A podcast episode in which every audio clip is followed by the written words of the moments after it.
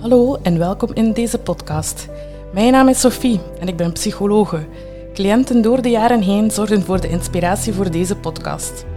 Waarom kiezen mensen voor een psycholoog? Wanneer neem je nu die stap? Wie kies je dan? En waarover praat je dan eigenlijk? In deze podcast neem ik je mee in mijn praktijk. Ik open voor jullie heel speciaal mijn deur en laat jullie even binnenpiepen. Kom, kom maar binnen en zet je neer. Het is al gelijk waar. En wees welkom bij La Vie.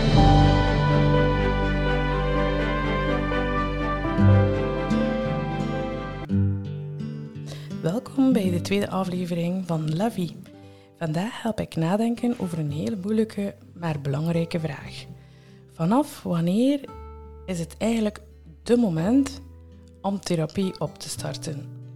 Dat is eigenlijk een hele persoonlijke vraag, maar toch wil ik graag wat eikpuntjes aanbrengen zodat deze vraag op een objectievere en duidelijker manier kan beantwoord worden. De eerste stap die veel mensen zetten, dat is de stap naar de huisarts. Die is gemakkelijk. We vertrouwen erop dat die voor ons de keuze zal maken eigenlijk, of dat wij al dan niet hulp moeten krijgen en zo ja, in welke vorm.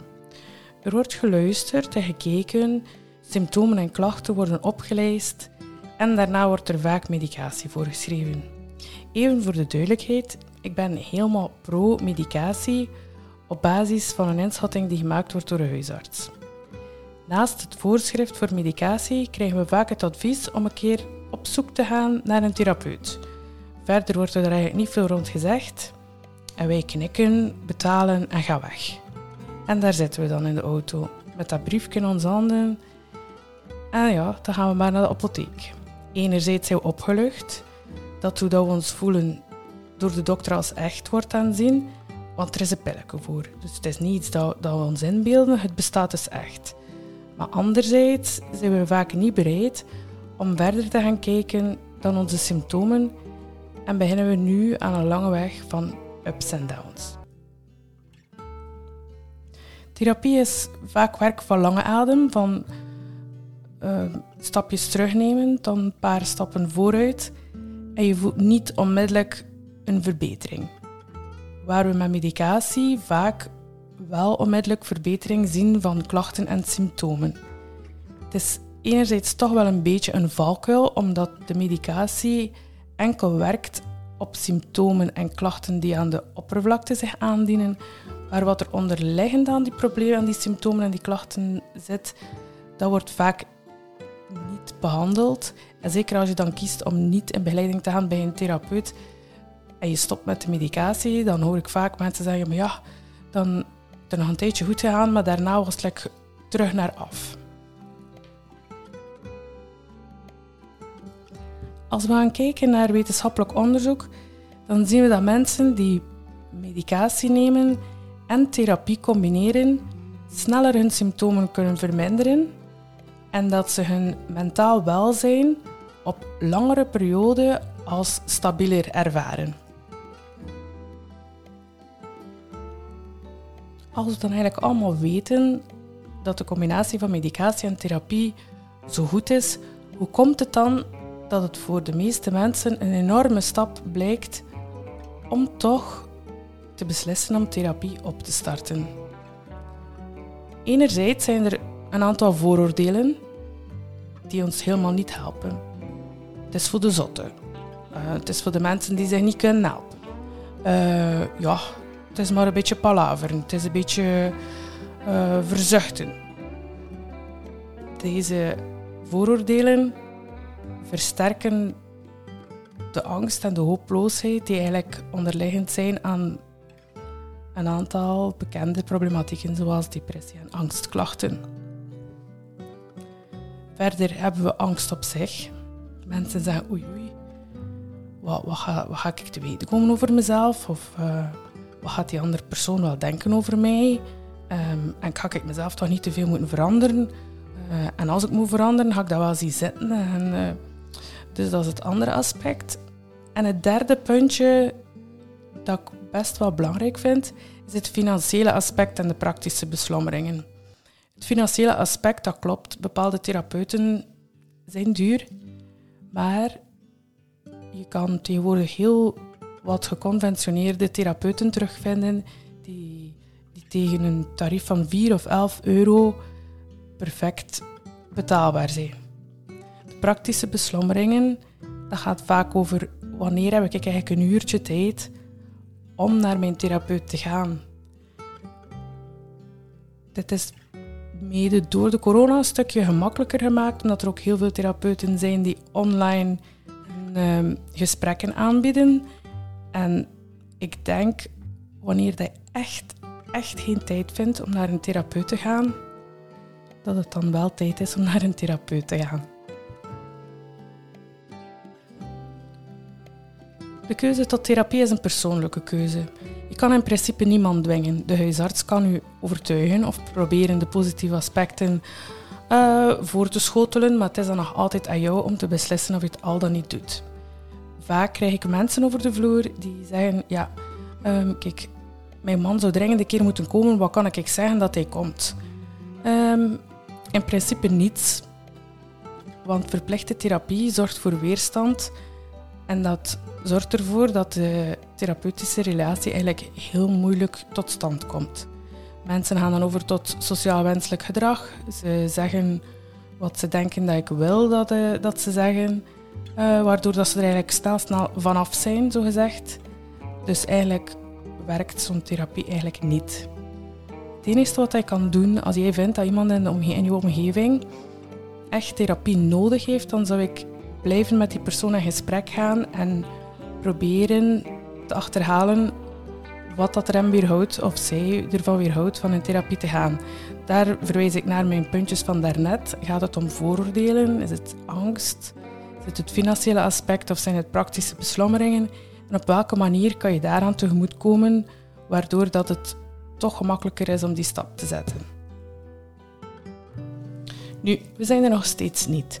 Wat zijn nou eigenlijk de signalen die zeggen, ja, het is de moment. Ja, nu is het echt tijd voor therapie.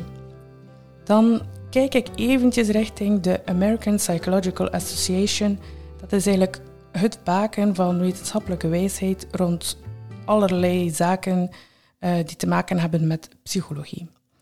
Zij zeggen, je overweegt best om een therapeut te zien wanneer iets in je leven stress bezorgt en die stress jouw leven intens verstoort. Met intens verstoren wordt bedoeld dat je meer dan één uur per dag minimum bezig bent met de bron van je stressor. Ofwel dat je zodanig veel schaamte voelt over wat er is gebeurd en dat je de mensen rondom jou begint te vermijden. Of dat schoolwerk of persoonlijke relaties op een negatieve manier worden beïnvloed door de manier waarop dat jij constant bezig bent met die, stress, met die stressor. En als laatste bedoelen ze met verstoren dat je copingmechanismen hebt ontwikkeld om met je stressoren om te gaan die destructief zijn voor jezelf en of voor jouw omgeving. Ja, dat is een een boterham. Hè. Maar ik denk dat het eigenlijk echt wel duidelijk aantoont wanneer dat een probleem groot genoeg of zwaar genoeg doorweegt voor iemand. Het gaat dus niet zozeer om de grootte van de stress. Het gaat ook niet zozeer om de intensiteit van de gebeurtenis op zich. Het gaat dus over hoe jij een bepaalde stressor aanvoelt binnen jouw leven en hoe die stressor jouw leven gaat beïnvloeden. Die stressoren die kunnen zorgen voor een aantal duidelijke symptomen. Dat zijn symptomen die we kunnen meten, die we kunnen zien en die vaak een indicator zijn dat het niet zo goed gaat met ons. Een aantal van die symptomen zijn ten eerste overspoeld raken. Het gevoel hebben dat alles te veel is, dat je tijd nodig hebt om op adem te komen en je ervaart ook echt fysieke ongemakken. Dus je bent moe, je ervaart hartkloppingen en zelfs de kleinste taakjes die je vroeger zonder veel problemen kon doen, lijken nu echt bijna huzarenstukken. Een ander mogelijk symptoom is moeheid en uitputting. Heel veel slapen en s ochtends ook niet meer uit bed raken. Dit is dan gelinkt aan wat ik daarnet zei rond um, werkrelaties die verstoord zijn. Uh, mensen die niet meer uit bed raken, vaak te laat komen op het werk of moe zijn op het werk, fouten beginnen maken omdat ze te moe zijn, etc. Dat zijn duidelijke symptomen. Wat ook nog een symptoom kan zijn, is buitenproportionele woede of haat of boosheid. Iedereen van ons voelt wel eens boosheid, of die nu terecht is of niet, dat laat ik even in het midden. Maar ik spreek dus echt over woede die buitenproportioneel is. Gaat om hele kleine incidentjes die zorgen voor woedeuitbarstingen die ook niet bij ons karakter horen en waar we ons achteraf vaak um, over schamen, waar we zeer verdrietig om zijn en waar we vaak ook onze omgeving mee kwetsen. En die zorgen op zich dan weer voor een soort negatieve spiraal van schuld- en schaamtegevoelens en die zorgen dan weer voor vermijding. Verder heb ik het ook nog over agorafobie. Dat is een beetje een moeilijk woord. Letterlijk betekent het pleinvrees, maar eigenlijk wil dat zeggen dat je je zodanig overspoeld voelt op drukke plaatsen dat je zou het gevoel hebben dat je paniekaanvallen krijgt en dat jij beslist van niet meer of weinig buiten te komen.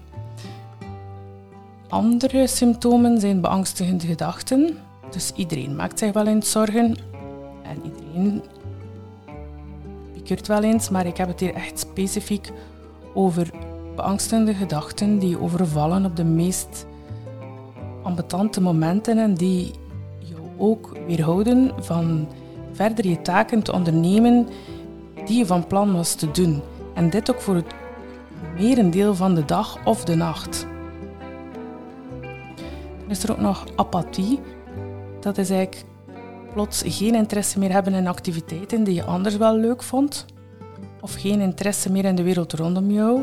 De verhalen van mensen, familieleden, vrienden, die interesseren je niet meer. Je kan ook weinig lachen. Dat is ook een duidelijk symptoom. Dan hebben we ook nog hopeloosheid. Dat zijn mensen die geen hoop of motivatie ervaren.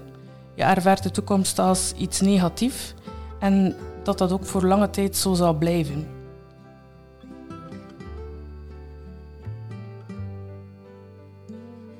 Dan hebben we ook nog sociale terugtrekking.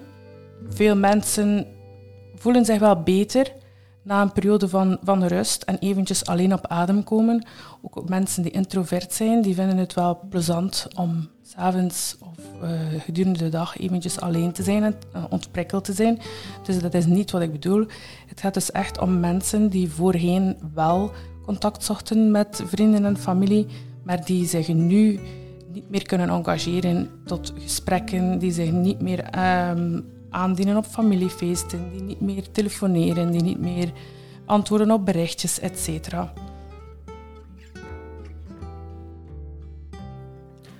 Al deze psychische symptomen, je merkt dat, dat zijn moeilijker te behandelen symptomen. Dat is niet iets waarvoor je zomaar een pilletje kan nemen en dat op magische wijze kan opgelost worden. Neemt echt tijd in beslag. Het kan soms maanden of zelfs jaren duren voordat je bepaalde symptomen echt de baas uh, bent. Dit kan heel frustrerend zijn. Soms kan het ook zijn dat je nog niet op de juiste plek terechtgekomen bent bij een therapeut en moet je verder zoeken of een andere therapeut zoeken waarbij je je meer op je gemak voelt. Je moet ook je vraag stellen, kan ik mezelf zijn bij de therapeut waarbij ik ga? Um, zeg ik niet te vaak wat hij of zij wil dat ik zeg?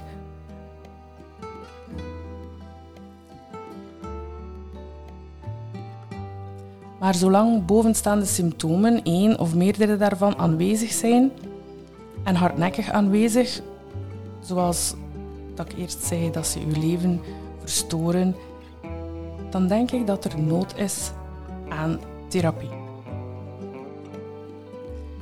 Therapie, al goed en wel, maar wat levert dat nu eigenlijk op voor mij? Ik heb een aantal dingen dat ik als zeer positief bij therapie. En dat is als nummer één. Je leert jezelf beter kennen en je kunt je gedachten leren ordenen. Therapeuten luisteren naar jouw verhaal op een objectieve manier. Ze gaan niet oordelen. Ze zien ook vaak verbanden die jij niet ziet of nog niet ziet.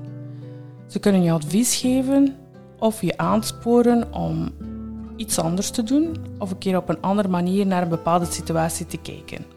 Ze doen dit vaak zonder oordeel en het feit dat het zonder kritiek of waardeoordeel gepaard gaat, zorgt er vaak voor dat je dat op een vrij veilige manier kan gaan onderzoeken of dat een verandering van gedrag wel iets is dat bij jou zou kunnen passen.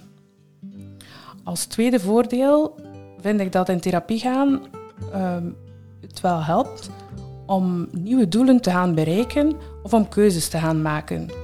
Het is ook vaak zo dat mensen in therapie komen en ook niet echt helder hebben welk doel ze voor ogen hebben, wat ze willen. En dan kan een therapeut met jou aan de slag gaan en eens nadenken over wat wil jij, hoe zie jij dat en hoe kunnen we dit op korte of middellange of lange termijn allemaal gaan bereiken. Kunnen er ook realistische stappen worden uh, uitgezet, waardoor dat het plan haalbaar is. We kunnen ook kijken naar evaluatiemomentjes en zien, oei, is het niet een beetje te ambitieus of is het net niet ambitieus genoeg? Moeten we bijsturen en op welke manier? Als derde positieve punt zie ik therapie dat het kan helpen om relaties te gaan herstellen of relaties naar een dieper niveau te brengen. Thema's zoals vertrouwen en onzekerheid, grenzen, communicatie, dat komt allemaal aan bod. En als ik het over relaties heb, dan heb ik het in de breedste zin van het woord. Dat kan liefdesrelaties zijn, maar even goed vriendschappelijk of met ouders.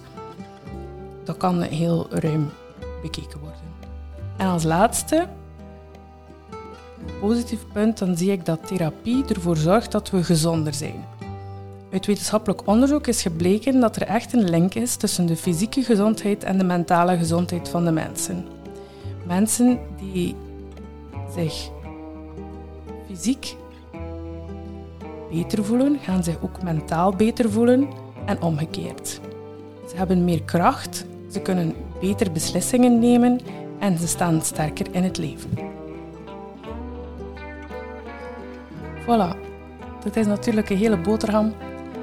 En ik weet niet of je al dan niet een stap zal zetten naar een therapeut, maar het feit dat je al nadenkt over de mogelijkheid dat je misschien wel bij een therapeut moet langsgaan, dat zie ik als positief.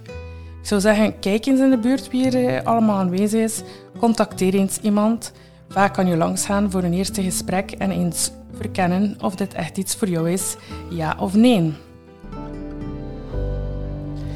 Mijn deur valt stilletjes terug in het slot. Dat betekent dat we aan het einde gekomen zijn van deze podcast. Zorg voor jullie zelf en graag hoor ik jullie de volgende keer opnieuw voor een nieuwe portie Love